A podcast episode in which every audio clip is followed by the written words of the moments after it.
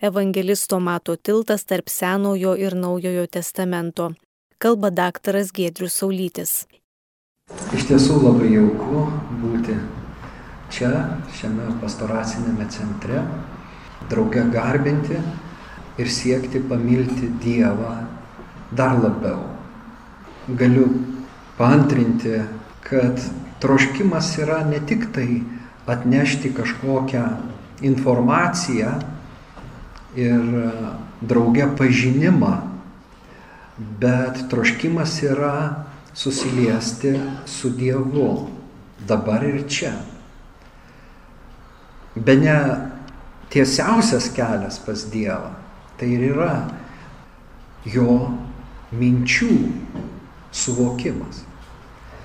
Šventojo rašto studijos skirtos tam, kad mes perprastume Dievą, o kai suprantame jo mintį, sikiu ateina malonė, meilė, ramybė. Tai, ką Karlas Raneris e, vadina Dievo potyriu. Dievo potyriu šiandien. Tai šito ir meldžiu, kad e, mūsų studijos drauge atneštų būtent gyvojo Dievo potyrį.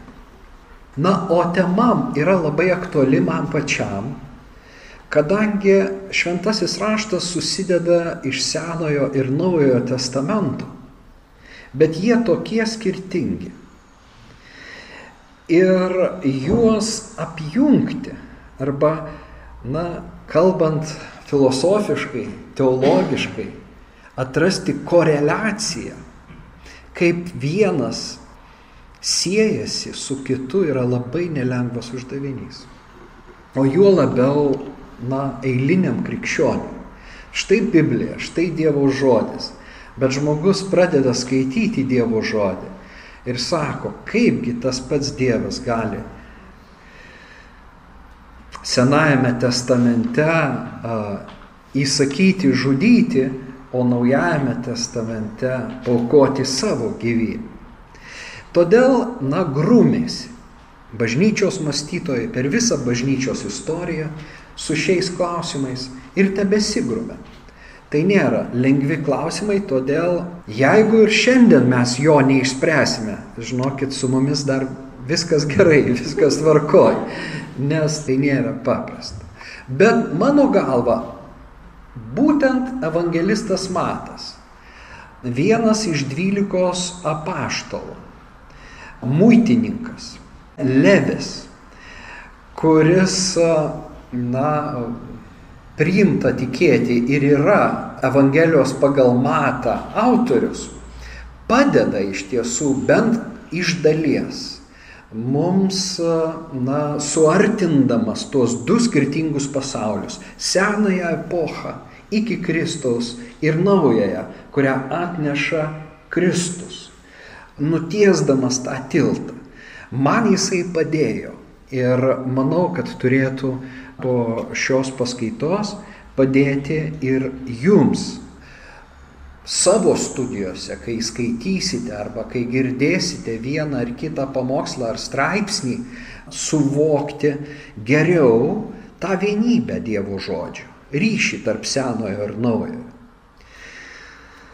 Galbūt antroji paskaitoj, na, sekantį kartą dar mes turėsim tarsi tesinį, tai bus, ta, tas vaizdas pildysis ir, ir, ir taps aiškiau ir tos teologinės pozicijos. Todėl dabar aš netgi pradėsiu ne nuo jų, o tiesiog nuo pačios mato Evangelijos. Ir norėdamas vat, priartinti jūs prie teksto, na, turėsiu ir tų graikiškų frazių, neišsigaskite skaidrės. Tai vad, Evangelija pagal matą yra pirmoji kanonų. Evangelija iš keturių, Evangelija pagal Morku, Evangelija pagal Luką ir Evangelija pagal Joną. Pirmos trys vadinasi sinoptinės Evangelijos. Bet e, sinoptinės todėl, kad e, tarp jų esama labai daug bendrų, daug bendrumo, tiek turinio, tiek žodžių vartojimų prasme, tiek stiliumi, nors taip pat ir savitumų, ypatumų. Tačiau, kai mes sakome keturios Evangelijos, mes turime suprasti, kad pradžioje taip nebuvo. Kad patys apaštalai tikrai nekalbėjo apie keturias Evangelijas. Kad ir ankstyvoji bažnyčia mąstė, kad yra viena Evangelija. Evangelijon žinia, gera, maloni žinia, linksma žinia žinia, kuri atneša jaudulį, optimizmą, entuzijazmą. Vat tokio tipo žinia yra ta Evangelija, o čia yra paties Dievo žinia.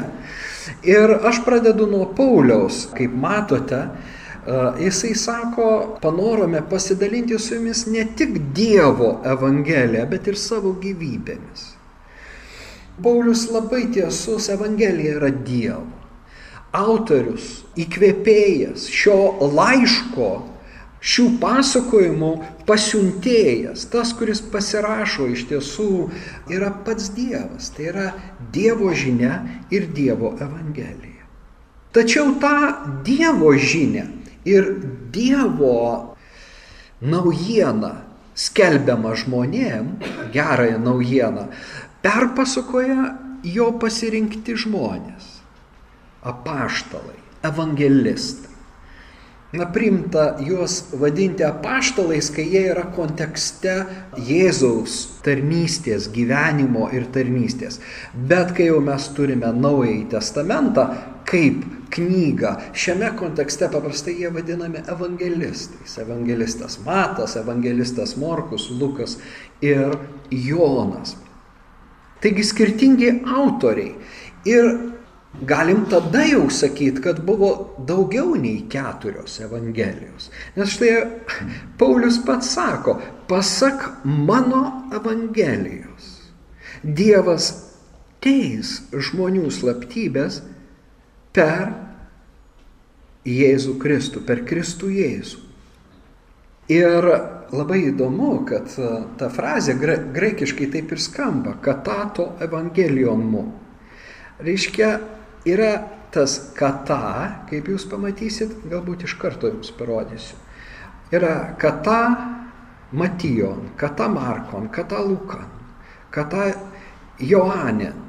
Bet taip pat ir katato evangelijonmu pagal mano evangeliją, pasak mano evangelijos. Tai yra kata Pavlo. Tai va čia, man atrodo, labai svarbu tai suprasti, kad Evangelija yra viena perpasakota pirmųjų ją girdėjusių arba tiesiai iš Jėzaus, arba Jėzaus apaštalų perduota. Jeigu dar detalizuoti labiau, na pavyzdžiui, Morkus pagal bažnyčios tėvų pasakojimus lydėjo Petrą ir versdavo Petrą į graikų kalbą. Na, nes iš kur Galilėjos žvėjui tai mokėti. Nors kažkiek jie galėjo mokėti. Tuo metu graikų kalba buvo visuotinė, paplitusi. Bet tarkim, Morkus, na, bažnyčios tėvams reiškė Petro vertėją, tą, kuris prie Petro visada būdavo, jisai praktiškai, na, jie taip net ir vadindavo galbūt, kad uh, tai yra iš tiesų Petro evangelija. Bet ją perdavė Morkus, ją užrašė Morkus. Na, Lukas greičiausiai ne, nevaikščiojo su Jėzumi, ar ne, jis prisijungė vėliau, jisai yra apaštalo Pauliaus misijų bendražygis ir partneris, bet jisai ištyrė jau tuo metu egzistavusias tas evangelijas, na, tos, sakykime, dalelytės fragmentus ir kaip pats savo Evangelijos pradžioj sako, sudėjau tai kruopšiai įtyręs į savo pasakojimą. Na ir tokiu būdu Luko Evangelija yra tarsi plačiausia. Tai va tas kata dar, graikiškas žodelis, jis pažodžius reikštų pagal, ar ne, pagal, nors vėlgi priklausomai e, nuo sakinio struktūros įgauna įvairias reikšmes, e, šitas, e, na, žodelis nebūtinai netgi kalba apie autorystę. Jisai gali kalbėti ir apie stilių bent jau numanoma. Pavyzdžiui, bažnyčios tėvai, sakydami septuagintą, ar ne, žinote šitą žodį. Septuaginta tai yra Senojo testamento vertimas iš hebrajų kalbos į graikų kalbą. Ir kadangi, na, diaspora žydų buvo didelė, o kalbėjo pasaulis tuo metinis, helenistinis pasaulis graikiškai, nemažai žydų iš tiesų prarado savo šaknis ir taip nebegalėjo hebrajiškai perskaityti arba suprasti ir atsirado poreikis na, Senojo testamento arba na, šventojo rašto graikų kalba jiems suprantamai. Ir tą vertimą, pasak legendos, atliko 70 vertėjų Aleksandrijoje. Ir tie 70 vertėjų Aš manau, tai legenda, nes jinai primena pasaką, vertė kiekvienas atskirai, bet kai baigė, pasirodė, kad jie visi išvertė vienodai. Na, aš kaip vertėjas galiu pasakyti, tai neįmanoma. Ta pati tekstą, nu, užtenka dviejų, ką ten jau, keturių žmonių, nekalbėkime apie 70 ir bus Tai skirtingi vertimai. Todėl, kai sako, vat, yra pažodinis vertimas. Ir iš tiesų Biblijos draugija rengia ir pažodinį vertimą. Ir Linas Šipavičius dirba prie jo. Bet kai sakoma pažodinis vertimas ir jeigu tu galvoji, kad pažodinis vertimas bus vienas, tai labai klysti. Nes kiek žmonių vers pažodžiui, tiek tų vertimų ir bus skirtingų. Tai yra misija neįmanoma, uždavinys neįvykdomas. Na, bet ta legenda pabrėžia tai, vėlgi tą įkveptumą dievišką, kad, na, vertėjai susidūrė su tuo, kuris yra aukštesnis už juos. Ir todėl tas aukštesnis juos įkvėpė vienodai ir jie, ir jie sutarė. Na, kaip ten bebūtų, septoginta atsirado ir jinai buvo plačiai skaitoma Jėzaus laikais žydų. Ir apaštalų, ypač Mato Evangelijoje, kai yra cituojama Senasis testamentas, mes apie tai kalbėsim daugiau, yra akivaizdu, kad nemažai citatų yra pažodžiui paimtos iš septuagintos, tačiau jokių būdų ne visos. Ir čia e, užtat ne viskas taip paprasta.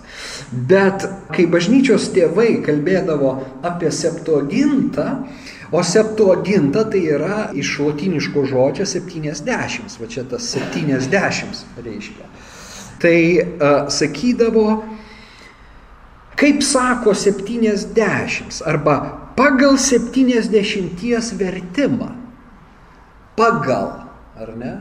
Ir akivaizdu, kad tada jau negalim netgi pasakyti pagal Matą, pagal Luką, pagal Paulių, bet pagal 70. Kitai žodžiais tariant, tai yra net ištisa mokykla. Tai yra, gali būti ir, ir komanda, kaip mes šiandien įvardintume. O tai jau reiškia, pagal vat, tos mokyklos požiūrį, ne, ir jeigu mes taip traktuotume, mes nesuklystume. Nes uh, labai dažnai yra su autorystė taip, kad na, mes nežinome, Ir negalim šimta procentų sakyti, kad matas užrašė. Ne, bet matas užrašė. Nes apie Paulių mes galim pasakyti. Nes yra tie laiškai, kas e, klausė. Apskritai Paulius savo laiškus pradeda nuo prisistatymo. Paulius, Jėzaus Kristaus apaštalas, Dievo valia pašauktas. Ir tada dar gale jisai sako, o šituos žodžius užrašė ne mano sekretorius, o aš, Paulius, rašau didelėmis raidėmis. Ir tai yra ženklas, kad tas laiškas tikrai mano, nuo manęs. Tai va čia apie tokį laišką mes galim sakyti, neginčiama autorystė. Tai yra apaštalo Pauliaus laiškas. Jeigu mes kalbam apie visas evangelijas, ten nei vieno nėra autoriaus pasirašytos na, tos Evangelijos. Ir užtat, reiškia, autorystė ir mus pasiekia iš vėlesnių pasakojimų. O ypač, kai tie pasakojimai dar šiek tiek nesutarė, na, galim sakyti, kad mes tvirtai nežinom, bet priimta taip laikyti. Ir, ir na, todėl Evangelija Katamatijon pagal matą turi savo savitumų, savo ypatumų ir mes juos, na, pastebėsime, išskirsime. Ir šiandien iš tiesų tai ir yra mūsų pagrindinė tema, pagrindinis uždavinys. Įvardinti tą Mato Evangeliją, jos aspektus ir pasižiūrėti, vat, kaip jinai mums padeda priimti Senąjį testamentą arba paruošė mus to testamento suvokimui. Taigi, kalbant apie katą matyjon pagal matą, o va tas pavadinimas graikiškas, jisai yra papyrosiuose, jisai atsiranda, šitas pavadinimas. Todėl, na, dabar labai dvėjoti, kad tai nematas parašė, vėl nėra priežasčių, bet tai yra pagal matą. Taip kaip matas uh, tą uh, matė.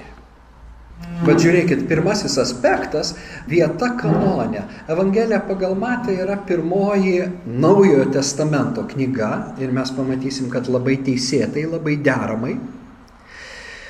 Bet iki XIX amžiaus praktiškai niekas nedvėjojo, kad ir chronologiškai jinai parašyta pirmoji. Ne tik tai kanonė yra pirmoji, bet kad jinai anksčiausiai buvo parašyta.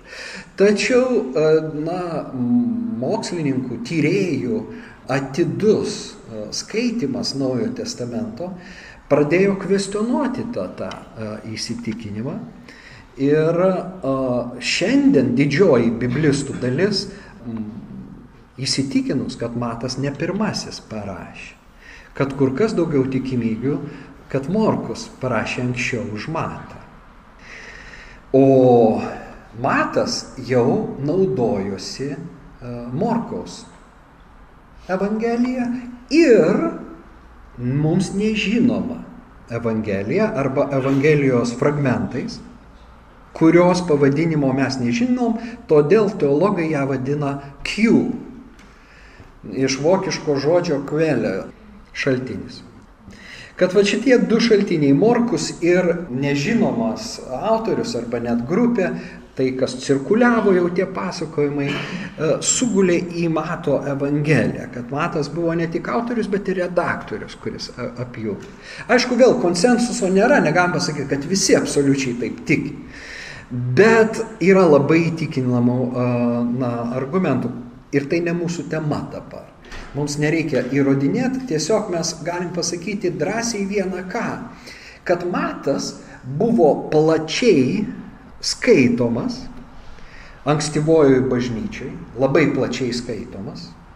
Bažnyčios tėvai jį minė ir svar, įdomiausia, kad tas žmogus, kuris mato, na, nemylėjo, švelniai tariant, reiškia, ir iškirpo jo Evangeliją iš savo na, mokymo ir raštų, kuriuos jis perdavė savo mokiniams, tai buvo Markijonas, 144 antro amžiaus, va, žiūrėkim, net vidurio dar nėra, Romoje jisai skelbė na, mokymą kaip krikščionis, bet bažnyčios ganytojai labai greit pradėjo jaus, kad tas mokymas tikrai nėra apaštališkas ir atmetė jį kaip klaidingą Markiono mokymą. Tai vad paradoksas, kad jo priešas mums šiandien geriausiai įrodo tai, kad jis buvo skaitomas, matas. Matas buvo, na, plačiai skaitomas, o Markijonui matas kliuvo dėl tos priežasties, dėl tos pačios priežasties, dėl ko jis mums padės. Jam buvo per daug žydiškas. Matas buvo per daug palankus senajam testamentui. O Markijonas vad būtent nesugebėjo sutalpinti Senojo testamento Dievo ir Naujojo testamento Dievo. Nes jam Senojo testamento Dievas, tai yra Izraelio Jahve, buvo rustus, negailestingas. O Naujojo testamento Dievas, kurį Jėzus apreiškė kaip mūsų dangiškai tėvą, gailestingas, mylintis, Dievas. Ir jis pasakė, na, padarė išvadą, kad šitie du dievai negali būti vienas ir tas pats Dievas. Todėl Jahve buvo Dievas, bet žemesnis už tą, kurį Jėzus apreiškė, todėl jis krikščionims neberūpi ir nesvarbus, o matui visgi jis rūpėjo, iškirpkim matą. Reiškia, na, tai jo. Apskritai kalbant vat, apie tas žirklės biblinės, ar ne, jos per bažnyčios istoriją nekarta pasitaiko ir netgi labai rimti teologai, jeigu jiems duoti tas žirklės, jie melai na, nukirptų.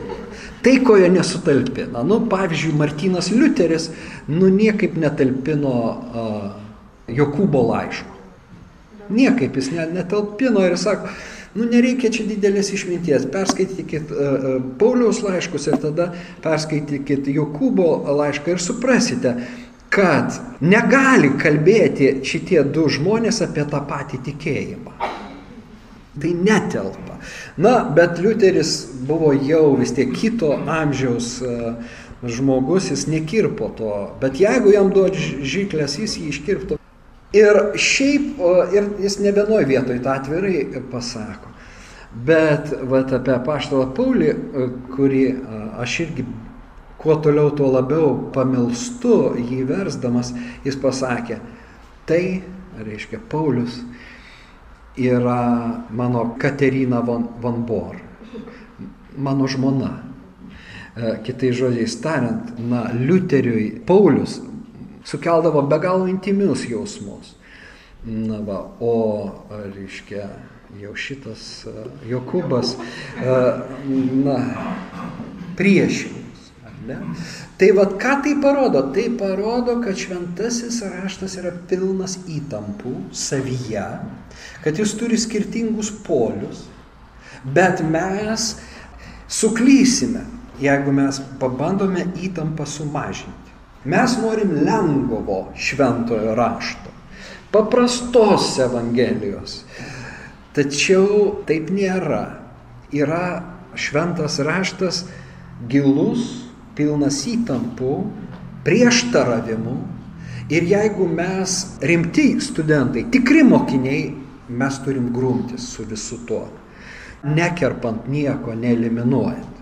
Tai va, tai žodžiu, kad matas tampa pirmąją kanono knyga, kur kas aiškiau mes pamatysim per turinį, bet vad toks kontekstas, kad jis turėjo, kaip, na, mato tekstas, turėjo savo priešininkų ir vienas ryškiausių buvo Markijonas. Taigi grįžtų prie to, kad tik XIX amžiui praktiškai, na, jau kaip pradėtas tekstas kritiškai vertinti, o po to ir redakciškai žiūrėti, suvokta, kad greičiausiai pirminė Evangelija iš vis mums nežinoma, kuri cirkuliavo drauge su Evangelija pagal Morku ir Matas naudojosi, matomai, tai, tai bent įtikimiausias toks šaltinis. Bet to yra ir papijo, tai vėl antro amžiaus bažnyčios tėvo liudimas, išlikęs vėlgi. Jis apie Matą taip yra pasakęs, kad Matas parašė hebrajiškai posakius arba žodžius, po to jos interpretavo graikiškai, na ir, ir, ir, ir, ir dar kažkoks. Tai tas vat, vienas sakinys. Iš čia bažnyčios tėvai nedvėjojo, padarė išvadą, kad visų pirma matas parašė hebrajiškai. Ir kad e, egzistavo hebrajų kalba, arba tuo metu aramėjų, aišku, jau, na, kai jie sakydavo hebrajiškai, jie vis tiek rašydavo jau tuo metu aramėjiškai, nebe senąją hebrajų kalbą. Ir, na, po to jį išvertė į graikų. Bet šiandien tyrėjai ne tik, kad nėra nei vieno atrastos tos hebrajiškos versijos, bet jau kitaip žiūri į tą posakį papijo bažnyčios tėvo. Nes e, akivaizdu, skaitant graikišką tekstą, kad pavyzdžiui, jeigu tai būtų vertimas iš kitos kalbos, tai vat, Senojo testamento citatos jos būtų vienodos. Dabargi žiūrint į Senojo testamento citatas Evangelijoje pagal matą, akivaizdu, kad jos yra iš skirtingų šaltinių. Tiek iš mano minėtos septogintos, tiek iš kitų cirkuliavusių graikiškų vertimų. Septoginta buvo ne vienintelis graikiškas tekstas Senojo testamento. Ir taip pat akivaizdu, kad na, visgi jie skaitydavo ir hebrajiškai. Ir e, vėlgi hebrajiškas vėl ne vienas e, tekstas egzistavo. Ir e, jeigu tai būtų vertimas, labai keista, kodėl staiga tos citatos iš skirtingų šaltinių, nes tai, tai tiesiog jaustųsi stilistiškai. Todėl mažai įtikinama, o papijo tas komentaras traktuojamas, kad būtent Matas mąstė žydiškai jo adresatas buvo visų pirma Izraelio tauta. Jisai, reiškia, matas myli, va, kaip ir Paulius esu sakęs, tos savo tautiečius ir nori jiems prabilti taip, kad jie Jėzų priimtų kaip savo lauktą į Mesiją. Bet jie to jausmo Jėzaus atžvilgių neturi ir Matas tengiasi jį pažadinti. Ir tokiu būdu jisai masto žydiškai, reiškia, nerašo hebrajų kalba aramėjiškai, o rašydamas graikų kalba jis, na, žydams suprantamu būdu. Būtent perteikia tuos posakius, kurie jau egzistavo, tuos trupinius, logoj ten pasakyti. Logoj, na, pažodžiui tai žodžiai tuo metu egzistavusius žodžius jis per, e, reiškia perteikė hebrajams suprantamu būdu ir interpretavo. Čia ir yra ta, ne tai, kad išvertė, nes tas žodis gali ir interpretuoti. Va čia ir yra ta Evangelija, kad tą matėjom pagal matą. Jis juos naudojo ir juos išguldė vat tokiu būdu. Taigi, Evangelija pagal matą pirmoje kanone. Struktūra, penkios dalis ir tai labai įdomu. Tai vad ta mato Evangelijos struktūra vėl yra pirmas, na, atradimas biblistui, skaitančiam graikų kalbą. Nes tai yra vienintelė Evangelija, kurioje penkis kartus atsikartoja tas, ta pati frazė, kiek geneto hote telesenhoisus. Pirma, tus logos tutus. Na, baigęs tuos žodžius. Ir atsitiko, mes apskaitai ne, nebeverčia lietuviai, nu kaip tu išversi. Ir atsitiko, mes taip nesakom, ir atsitiko. Tiesiog skaitysim, baigęs kalbėti ar baigęs tai e, mokyti ir taip toliau. Antrų atveju ir atsitiko, kad baigęs e, pamokymus, nurodymus, nurodymus davęs nurodymus. Arba ir atsitiko, kad pabaigęs tas parabolės, tai yra palyginimus. Ir atsitiko, kad vėl tuos žodžius 19 skyriui kartojasi tas, kas 7 skyriui, identiškai. Ir galiausiai 26 skyrius yra beveik identiškas, tik tai dar atsiranda pantas. Ir atsitiko, kad Jėzus pabaigęs visus šitos žodžius, visus tuos žodžius. Taigi, pradėta mąstyti, kad autorius be abejo atsitiktinai negalėjo to parašyti, kad čia buvo sąmoninga a, intencija, kuri suteikia Mato Evangelijai struktūrą. Ir ta struktūra atrodyt galėtų va taip va kad Mato Evangeliją mes galim padalinti penkias dalis arba penkias knygas, kurios vėl yra labai gražiai susijusios. Pradžioj eina pasakojimas, naratyvas, o toliau eina pamokymai. Tai va trečias, ketvirtas skyrius būtų pasakojimas, apie krikštą, apie pagundimus dykumoje, apie, reiškia, vat, tą dalį, o penktas, septintas skyrius gerai mums žinomi. Tai yra kalno pamokslas, vadinamas kalno pamokslas Jėzaus Evangelijos širdis. Toliau vėl antroji daly būtų 8-9 skyrius, pasakojimas, 10 skyrius pamokymai apaštalams. Panašiai trečioji dalyje, tik tai pamokymai jau iš valties. 18 skyriui pamokymai apie tai, kas didžiausias Dievo karalystėje. Na, o paskutinis pamokymas tai yra 23 skyrius pasmerkė fariziejų veidmainystę ir 24-25 atsako į klausimą, kada ateis pasaulio pabaiga, koks Jėzaus grįžimo ženklas. Iš tiesų šita struktūra labai koherentiška, atrodo logiška, nors vėl ne visi sutinka, tačiau niekaip negali paneigti to savitumo. To nerasim nei pas Morku, nei pas Luk, kitose sinoptikose. Tai reiškia yra mato ypatumas. Ir dabar pradėdamas į, nu gerai, penk, penkios knygos. A, tai greičiausiai yra aluzija į Mozės penkiaknygę. Ne? Kadangi Tora susideda iš penkių knygų ir Tora buvo pagrindinis Senojo testamento mokymas, tai pirmatas, kalbėdamas tiems patiems tautiečiams, pateikia naują Torą, naują mokymą, kurį atnešė Jėzus Kristus.